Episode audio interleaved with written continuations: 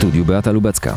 Dzień dobry, a z nami jest Sebastian Kaleta, wiceminister sprawiedliwości Solidarna Polska. Dzień dobry panie ministrze. Dzień dobry pani redaktor, dzień dobry państwu. E, pan minister w delegacji zagranicznej, dlatego jesteśmy, yy, znaczy rozmawiamy przez komunikator elektroniczny, to tak woli wyjaśnienia. A czy prezydent y, Andrzej Duda zaskoczył was, was, czyli Ministerstwo Sprawiedliwości, zgłaszając taką inicjatywę jak likwidacja Izby Dyscyplinarnej Sądu Najwyższego i zamiana na Izbę yy, Odpowiedzialności Zawodowej? Prezydent nie konsultował z Ministerstwem Sprawiedliwości ani Solidarną Polską e, tego swojego wystąpienia. Jest prezydentem naszego państwa, ma inicjatywę ustawodawczą, może w dowolnej chwili je prezentować. Natomiast w ostatnich miesiącach prowadziliśmy z Pałacem Prezydenckim różne rozmowy na temat kierunku zmian w Sądzie Najwyższym e, i część z propozycji, które wczoraj były zaprezentowane E, były również e, nam przedstawiane kilka miesięcy temu. Natomiast. Ale czy wasze propozycje, w takim razie, czy wasze propozycje, wasze, czyli Ministerstwa Sprawiedliwości, czyli ministra Ziobry, zostały wzięte pod uwagę akurat w tym projekcie? Podobnie jak w 2017 roku prezydent e, proponuje inną ścieżkę reform sądownictwa, natomiast ten nowy projekt przecież jest skierowany z tego powodu, że poprzednie ustawy, które pan prezydent zaproponował, już miały być kompromisowe, ale zostały odrzucone e, przez e, przedstawicieli sądownictwa, a następnie stały się przedmiotem szantażu Unii Europejskiej. Więc teraz kolejna, kolejne ustępstwa z wcześniejszych ustępstw no, rodzą wątpliwości, czy to jest słuszny kierunek. Natomiast pan prezydent ma prawo, szanujemy jego inicjatywę, szanujemy jego troskę o kształt reform w wymiarze sprawiedliwości, bo też w 2017 roku niejako mm, na swoje barki zdecydował się ten ciężar potrzeby reformy sądownictwa, bo takie są oczekiwania Polaków. Dobrze, a czy, a czy, pani, e, czy minister Ziobro... Mm, czego chciał tak naprawdę od prezydenta? Że co powinno znaleźć się w tym, e, w takich, e, w, znaczy w, w, tych nowych propozycjach? To znaczy, że ponowna weryfikacja wszystkich sędziów Sądu Najwyższego przez nową KRS? Mm, przede wszystkim um, um, głównym problemem dzisiaj jest to, że część środowiska sędziowskiego wbrew polskiej konstytucji e, podważa mandaty sędziowskie innych sędziów. Rodzi to gigantyczny chaos w polskim systemie prawnym. No, I również zmiany, jest takie stanowisko również Trybunałów Unii Europejskiej, które kwestionują ale... E, zasadność wyborów takich e, sędziów wybranych przez nową KRS. Trybunał Sprawiedliwości Unii Europejskiej może sobie oceniać również zasadność wyboru moich, nie wiem, mojej żony tak no nie, no nie, nie, chwileczkę, chwileczkę. Pan po prostu tutaj de powodu, deprecjonuje powodu, Trybunał Sprawiedliwości Unii Europejskiej. Śmieję się z tego, z tego powodu, że e, my nie przekazaliśmy Unii Europejskiej kompetencji, by oceniała e, nasz system sądowy. E, w Polsce wybiera się sędziów tak jak w Hiszpanii. W Niemczech robią to bezpośrednio politycy i tam się nikt nie przyczepia w Unii Europejskiej. I, no tak, tylko też chodzi o to, że, że kadencja KRS została przerwana. Stwierdził, że poprzednio były problemy konstytucyjne z KRS-em, dzisiaj takich problemów nie ma. Więc ze strony formalnej e, powoływani sędziowie od 2018 roku w końcu są powoływani w transparentnej, zgodnej z konstytucją procedurze. No to jest, Więc tutaj to jest, to jest pana zdanie, to jest zdanie Zbigniewa Ziobry, to jest również... Ale co innego mówią Trybunał. Natomiast chciałbym jeszcze zapytać o ten projekt. Panie, panie ministrze, chciałbym zapytać o ten konkretny... Panie ministrze, chciałbym zapytać o ten konkretny projekt zgłoszony przez pana prezydenta. Czy będzie poparcie dla tego projektu, czy nie będzie z waszej strony? Z waszej strony, czyli ze strony Ministerstwa Sprawiedliwości, Solidarnej Polski? Jeszcze całości projektu e, nie znamy, natomiast e, w związku z tym nie ma jedno, jednego stanowiska ani Ministerstwa, ani Solidarnej Polski. Natomiast e, mogę wypowiadać na ten moment w swoim imieniu. Mam poważne wątpliwości do niektórych proponowanych instytucji. E, przede wszystkim e, każdy kompromis ma takie znaczenie, czy zostanie uznany, czy przy, przy, przybierze formę ugody i wszyscy, którzy kierują roszczenia, te roszczenia zamkną. Widzimy, że tak nie będzie. Wiemy doskonale, że Komisja Europejska poluje na Polskę w innych sprawach również. E, szukają pretekstu, by odbierać Polsce fundusze. E, I tutaj sama postawa pod tytułem e, kolejny raz idziemy na kompromis z Unią, by coś uzyskać, uważam osobiście za bardzo błędny kierunek, szkodliwy. E, to będzie rodziło eskalację żądań. Natomiast od strony prawnej szereg instytucji budzi wątpliwości, na przykład wprowadzanie oczekiwanego przez CUE testu bezstronności, Trybunał Konstytucyjny orzekł przecież w Polsce, że Unia nie ma takich kompetencji, więc prezydent jako strażnik konstytucji w mojej ocenie nie powinien proponować rozwiązań, które idą wbrew polskiej konstytucji, wbrew orzecznictwu Trybunału Konstytucyjnego. Natomiast oczywiście zobaczymy, jak to w szczegółach to wygląda. To znaczy, że prezydent przygotował e, projekt ustawy, która jest niezgodna z konstytucją, pana zdaniem? E, czyli samej ustawy nie widzimy, ale konstrukcja w oparciu o którą prezydent proponuje swoje przepisy, czyli żeby dać e, wyraz uznania orzecznictwa Trybunału Sprawiedliwości Unii Europejskiej stoi wbrew wyrokowi Trybunału Konstytucyjnego z lipca i z października tego poprzedniego roku który stwierdzał wprost, że polskie organy konstytucyjne nie winny kierować się rozstrzygnięciami CUE w podejmowanych decyzjach ustawodawczych. E, z tego powodu, że Unia takich kompetencji nie posiada. My konsekwentnie, e, ja konsekwentnie jestem zwolennikiem e, takiego stanowiska, żeby Polska bezwzględnie nie uznawała jakiejkolwiek, jakiegokolwiek zwierzchnictwa w zakresie oceny polskiego sądownictwa ani Trybunałowi Sprawiedliwości Unii Europejskiej, ani państwom trzecim, bo Polska jest bez, be, nie, nieuczciwie atakowana na, przez niektóre państwa. Jeśli takie państwa jak Niemcy, w którym sobie politycy... No tak, to już wiele razy o tym mówiliście. To o tym mówiliście już po prostu wiele razy. Już słyszeliśmy ten przykład, jest po prostu... No ale jest ten, ten, tym przykładem akurat epatujecie po prostu wiele, wiele razy. A ja bym chciała zadać jeszcze jedno pytanie. Mają pretensje, że w Polsce sędziów wybierają sędziowie i ten, ten proces im się nie podoba, bo jest zbyt upolityczniony. No, każdy logicznie rozumujący człowiek, racjonalnie myślący, e, widziałby, że coś jest nie tak w tej sprawie. A czy sądzi pan, że akurat e, ten projekt y, mm, odblokuje w końcu środki na Krajowy Plan Odbudowy? No, Zakładając, jeśli... że przejdzie, no bo raczej z tego, co pan mówi, no może nie mieć poparcia w Sejmie, tym bardziej, że yy, według y, części opozycji to jest po prostu zgniły kompromis. Tak y, czytałam jedną z wypowiedzi, yy, no, to, to, chodziło, to chodziło akurat o Michała Szczerbę z Koalicji Obywatelskiej na, na łamach Gazety Wyborczej. Pani redaktor, Komisja Europejska działa politycznie. Jeśli politycznie e, uzna, że czas Polsce wypłacić pieniądze, bo dłużej nie można łamać traktatów i dłużej nie można pozwolić, by Polska e, blokowała, również utrudniała prowadzenie różnych decyzji e, na forum Unii Europejskiej, by Polska zachęcała inne państwa do bronienia swoich interesów silniej, to taka decyzja polityczna może być podjęta w każdym momencie. Natomiast prawdą jest, i to jest fakt, że niezależnie czy ustawa pana prezydenta przejdzie, czy nie przejdzie. E, lista oczekiwań Komisji Europejskiej wobec Polski, by e, ewentualnie odbierać fundusze, jest o wiele dłuższa. Więc ta sprawa, ta ustawa niczego nie zamknie, a może pogłębić się niestety w niektórych obszarach chaos. E, więc no, my będziemy na pewno rekomendować jako Solidarna Polska w pierwszej kolejności, aby E, te nasze propozycje e, mogły zostać uwzględnione, bo nasze propozycje właśnie idąby, e, zmierzają w tym kierunku, Ale żeby... co to znaczy miałoby zostać uwzględnione? Miałoby się znaleźć w tym, w tym projekcie? Jeśli on trafi do Sejmu, do Laski Marszałkowskiej i będzie procedowany? Będziemy, będziemy analizować każdy przepis. Na pewno szanujemy wolę pana prezydenta, żeby poprawić jego własną ustawę z 2017 roku. My ich od kilku lat bronimy, bronimy tak jak pan prezydent bronił e, tego, że Polacy oczekiwali reformy sądownictwa. Pan prezydent zaproponował swoją jej wizję kilka lat temu. My tej wizji broniliśmy, ponieważ to była wizja e, reformy suwerennego państwa. E, I na pewno nie, ciężko nam przychodzi by zrozumieć, dlaczego pan prezydent tak jakby trochę sam zaprzecza swoim ustawom dzisiaj, E, ale oczywiście warto nad nimi pracować, bo to e, jest pan prezydent, który został wybrany również głosami. E, przecież no jest, wywodzi się z naszego wspólnego środowiska, więc cały czas liczymy, że mamy podobne spojrzenie na kwestię suwerenności Polski, na kwestię potrzeby reformy sądownictwa i potrzeby nieunikania bezprawnej presji. Ale podsumowując, zostaliście jednak zaskoczeni tym projektem, a w takim razie tylko zapytam, dlaczego pan minister Ziobro nie zabrał głosu w tej sprawie? Zawsze jest taki wyrywny. Pani redaktor, pan minister z pewnością zabierze głos w tej sprawie. No to tyle w części radiowej. Oczywiście pan wiceminister Kaleta z nami zostaje. Jesteśmy na Facebooku, na Radio ZPL, na, YouTube, YouTubie, więc proszę zostać z nami. Beata Lubecka, zapraszam. Sebastian Kaleta jest z nami, wiceminister sprawiedliwości Solidarnej Polski, mm, jeden z najbliższych współpracowników pana ministra Ziobry, tak? Tak.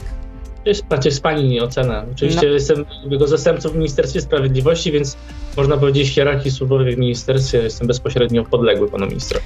A co w sprawie Pegasusa? Czy prokuratura zajęła się już wyjaśnianiem okoliczności, y, dlaczego ten szpiegowski system mm, mógł zostać użyty wobec takich osób jak senator Brejza, jak pani prokurator Ewa Wrzosek? No teraz słyszymy o liderze Agrounii. Wczoraj zresztą y, Michał Kołodziejczak rozmawiał o tym y, z Senacką Komisją do spraw wyjaśnienia tak. nielegalnej inwigilacji. Pani, pani redaktor, e, wobec wszystkie kwestie dotyczące wykonywania czynności operacyjnych są na bieżąco kontrolowane przez sądy. Ja nie wiem, bo, bo jako oczywiście w Ministerstwie no jak to, no, no jest, no jest są te ustalenia kanadyjskiej firmy Citizen Lab, mówią, że mają na to dowody. W związku z tym, no chociażby po takich doniesieniach to prokuratura nie powinna się tym zająć? Po prostu tak z urzędu? Pani redaktor, istota tego całego zamieszania, tej pseudoafery polega na tym, że polskie służby, jak służby każdego odpowiedzialnego państwa, mają obowiązek e, tak pozyskiwać informacje poprzez czynności operacyjne, które potwierdza i na które zgadza się sąd, żeby te czynności były realnie możliwe Ale system szpiegowski używany do e, tego, żeby I, inwigilować e, prokurator? Pani, Panią prokurator mogę, tylko dlatego, że mogę, chciała zająć się sprawą wyborów kopertowych ich organizacji? Pani redaktor, no nie, pani zadaje kolejne pytanie, nie pozwalając mi skończyć odpowiadać na poprzednie. To jest bardzo poważny temat, więc chciałbym być precyzyjny. E, każdorazowo zgody na czynności operacyjne wydaje sąd. To sąd w swojej zgoda sądu wskazuje również na zakres tych czynności operacyjnych, zatem Panie jakie informacje słyszymy za każdym razem, a nie ma, a nie ma, a nie ma stuprocentowej pewności, że czy, czy, sąd, czy sądy wiedzą na pewno, na co się zgadzają. Jeden z sędziów, jeden z sędziów który, e, który jak sam się opisał, jest przeciwnikiem rządu a, i zajmuje się takimi wnioskami e, w Sądzie Okręgowym w Warszawie, sam stwierdził, że e, widział, że służby składają wnioski wskazując na możliwość przyjęcia korespondencji z komunikatorów Signal czy WhatsApp, e, więc to, że polskie służby potrafią, mają dostęp do, e, kiedy jest taka potrzeba i kiedy jest uzasadniona potrzeba, która jest potwierdzona przez sąd, jest, świadczy, świadczy dobrze o naszym państwie, bo gdyby tak nie było, to by przestępcy po prostu mogli sobie wszyscy korespondować, co chcą na WhatsAppie i byłoby to w ogóle nie do wykrycia przez państwo. Natomiast w stosunku do kogo te czynności są prowadzone, to są decyzje sądów, e, prokuratorów, którzy kierują wnioski. Najpierw e, funkcjonariusze CBA formułują wniosek, zgadza się na ten wniosek prokurator, następnie zgadza się i bada wszystko zasadność tego wniosku sąd, więc mamy w Polsce przepisy, procedury, więc żadna szopka w Senacie nie jest potrzebna, ale oczywiście rozumiem, że politycy Platformy Obywatelskiej realizując doktrynę Neumana domniemuje, że pierwszym tutaj... Jakbym słyszała po prostu, jakbym oglądała TVP Info, naprawdę, no po prostu, to, po e, prostu to są te same schematy. Dokładnie, wypisz, wymaluj. No, w sumie nie dziwię się, że prokuratura, na czele której stoi Zbigniew Ziobro, nie kiwnie palcem w tej sprawie, skoro to pieniądze, znaczy Pegasus został zakupiony za pieniądze Funduszu Sprawiedliwości, Funduszu Celowego, a CBA które jest w posiadaniu tego y, systemu, jest finansowane przez y, budżet państwa. I tak jest zapisane w ustawach. Koniec, kropka. W związku z tym, no nie dziwię się, że tutaj śledztwa nie będzie w tej sprawie. Znaczy, ja nie wiem, Panie redaktor, ja nie wiem z tego powodu, bo pani tutaj pytałem jako wiceministra sprawiedliwości o śledztwa prokuratury. Ja nie wiem, jakie decyzje będą prokuratorów z tego powodu, że. Dobrze, to zapytam pana jako wiceministra sprawiedliwości. Czy prokuratura powinna się zająć tą sprawą? A jeśli pani pyta moją ocenę, czy powinna, to oczywiście nie chciałbym wyprzedzać decyzji prokuratorów, ale chyba z mojej wypowiedzi wynika, że tutaj e, nie widzę większych problemów e, poza robieniem szopki politycznej przez Platformę Obywatelską, prawdopodobnie w obronie Sławomira Nowaka. Czyli takiego śledztwa nie będzie. A dlaczego zagłosował pan za odrzuceniem projektu ustawy tzw. Lex Kaczyński albo tzw. Lex Confident? Nie tylko zresztą pan, Janusz Kowalski też zagłosował przeciw, zagłosował również, z tego co pamiętam, Jacek Ozdoba, wiceminister klimatu z Solidarnej Polski także. E, pani redaktor, wnioskodawcy z Prawa i Sprawiedliwości mieli bardzo szczytne cele prezentując tę ustawę. Serio? Ponieważ e, szczytne intencje. Ale no, w którym miejscu? Projektu, e, pani redaktor, intencja tej ustawy polega na żeby, tym, żeby Polacy że donosili na siebie nawzajem? dzięki Bo podejrzewają, że, kto, że zakaziłam się od pana X albo Y, to jest po prostu nie do udowodnienia. I e, spowodować, że będzie się wolniej rozprzestrzeniał. To jest intencja. Natomiast każda ustawa może mieć przepisy, które tej intencji nie wypełniają bądź są z nią sprzeczne. I niestety ta ustawa została tak napisana, że ta intencja, która jestem przekonany stała u progu powstawania tej ustawy, e, no nie została prawidłowo przeniesiona na, na konkretny projekt i ten projekt mógł bardzo poważnie e, zaszkodzić e, stabilności polskiej gospodarki, stabilności polskiej służby a w którym zdrowia. Momencie, a w którym momencie, a w którym momencie zagroziłby stabilności polskiej gospodarki? Negatywnych skutków, dlatego z uwagi na e, e, ocenę tego projektu taką, a nie inną legislacyjną, zdecydowałem się zagłosować przeciw. W tej sprawie nie było dyscypliny głosowania. E, w, w, decyzje, każda decyzja nie, nie była decyzją poszczególnego posła. Wydaje mi się, że mm, te przyczyny, które podaje, nie są nieuzasadnione, może nie Ale proszę racji. powiedzieć, w którym momencie, e, w którym miejscu, który to zapis e, sprawiałby, gdyby wszedł w życie, że zagroziłoby to stabilności gospodarczej? Bo tak pan powiedział. No, choćby kwestia e, testowania raz w tygodniu każdego pracownika. E, Dzisiaj system testuje około 1,5 miliona osób, no czy milion do 1,5 miliona tygodniowo, a w, w, w związku, gdyby ta ustawa weszła w życie, musiałby e, z dnia na dzień powstać system testowania 20, dla 20 milionów testów, co najmniej, bo biorąc pod uwagę wszystkich pracowników, umów zlecenia i też generalnie os, osoby, które nie pracują, ale się testują z powodów jakby wskazanych przez lekarzy, więc to mogłoby spowodować, że byłby chaos, a pracodawca... Ale chaos w jakim sensie? Że, że system by tego nie dźwignął, jeśli chodzi o, o skalę testowania, czy po prostu okazałoby się, że wszyscy są zakażeni, w związku z tym nikt już nie pracuje? Wszyscy są w izolacji. Raczej z, z tego powodu, że każdy musiałby ten test raz w tygodniu zrobić. I liczba tych testów byłaby no, gigantyczna nagle. A jak, jeśli tak, mamy system testowania. To byłyby głównie testy jak... antygenowe, a taki test antygenowy, jeśli już, to powinien być przeprowadzany raz na 48 godzin. Czyli raz na 7 dni to i tak była po prostu pani, fikcja. Ustawa wymaga minimum raz na 7 dni i zakładając, że mogą, mogą być powstać przepisy, że kurczę, no to jeszcze większy, większy byłby problem. Taka jest moja ocena, pani redaktor. Uważam, że, e, że e, skupianie się w życiu gospodarczym na tym, żeby każdy był przetestowany w świetle e, sposobu rozprzestrzeniania się wariantu Omikron tutaj nie do to końca... jak zapobiec w takim razie rozprzestrzenianiu się wariantu Omikron? Słucham? To jak zapobiec w takim razie rozprzestrzenianiu się wariantu Omikron? który jest no myślę, bardzo, zje, e, rozprzestrzenia się bardzo szybko. To pytanie, ale e, mamy na świecie co najmniej kilku geniuszy medycznych i e, tysiące ekspertów, profesorów i chyba żaden z nich e, nie znalazł odpowiedzi na pytanie, jak można e, zablokować rozprzestrzenianie się takiego wariantu. Izolując osoby zakażone. No to możemy się wszyscy zamknąć w domu na kilka miesięcy, to może rzeczywiście ten wariant zniknie, no ale chyba wtedy e, padnie, padnie nasza gospodarka i chyba wiele innych konsekwencji negatywnych może być, więc... No i przede wszystkim... To, no i przede chyba, wszystkim... Chyba niestety nie jest rekomendowane przez ekspertów. No i przede wszystkim jeszcze szczepienia. A, a tutaj rzeczywiście szczepienia wzmacniają odporność społeczną, społeczeństwa, chociaż nie aż tak, jak rok temu mówiono. Jednak... No bo jest nowy wariant. Nie wiem, czy pan zauważył. O czym o którym rozmawiamy? Wirus ma to do siebie, że mutuje.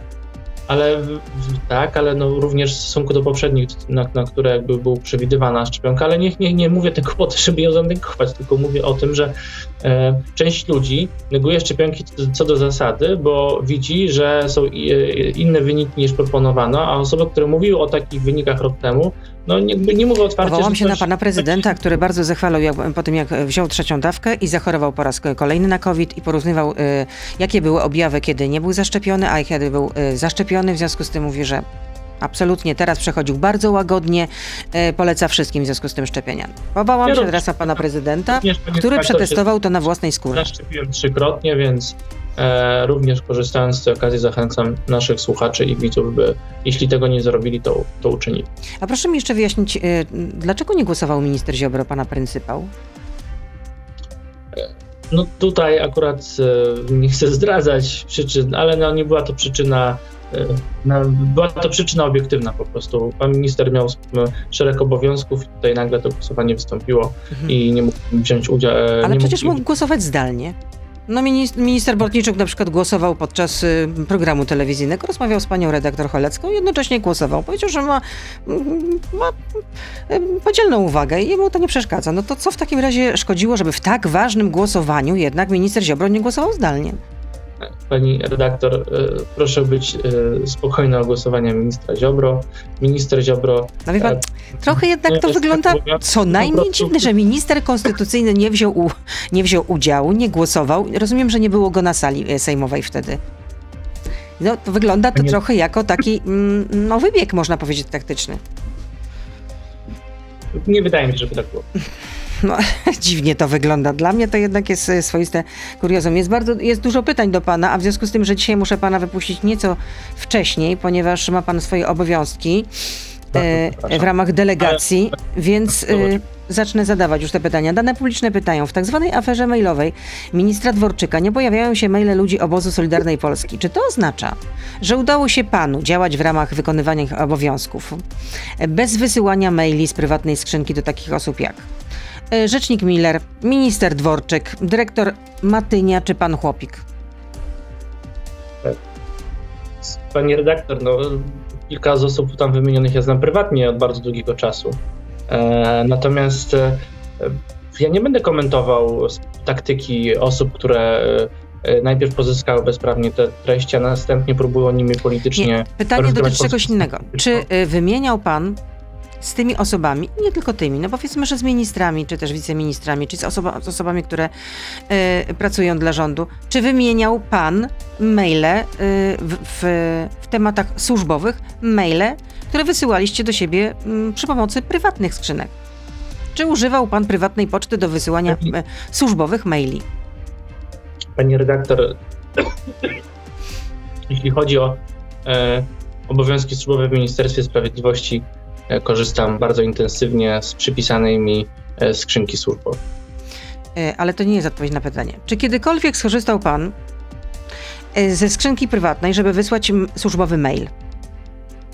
E, wie pani, często sprawy polityczno-służbowe się mieszają, natomiast e, czasami nie ma dostępu do skrzynki służbowej e, i trzeba sobie coś wydrukować, to się przesyła na takiego maila, z którego szybciej można to zrobić. Natomiast żadną dokumentacją nie operuję skrzynkami prywatnymi. Korzystam co do zasady od wielu lat z, na wszelkie potrzeby w, ze skrzynki służbowej i tego rodzaju e, korespondencji, którą rzekomo się zarzuca kilku wskazanym osobom, e, na co dzień nie prowadzę. Natomiast nie będę komentował taktyki osób, które e, zaatakowały najpierw w ten sposób część osób z naszego środowiska i posługują się różnymi mailami.